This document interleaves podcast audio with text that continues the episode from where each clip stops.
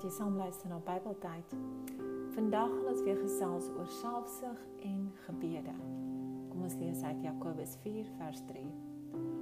As jy bid, ontvang jy nie omdat jy verkeerd bid. Jy wil net jou selfsugtige begeertes bevredig. Het jy onlangs gedink aan hoe jy bid? Ons moenie dink dat God Veral as dit 'n eie selfsugtige begeerte is. Bid altyd gelowig sonder twyfel. So daar's riglyne waarop gebed gefokus um, moet wees en dit is soos roep die enige ware God aan.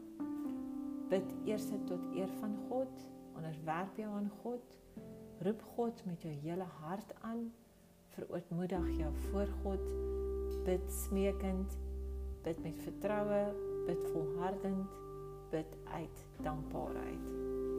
In Spreuke 3 vers 6 staan daar: Ken hom in alles wat jy doen en hy sal jou die op die regte pad laat loop.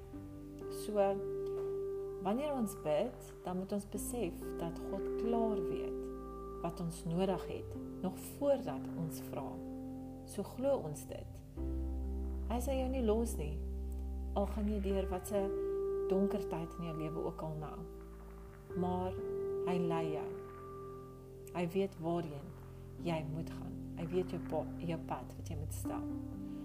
Ons moet selfsugtige gebede los en vir God liewers vra om ons te seën soos wat hy goed dink.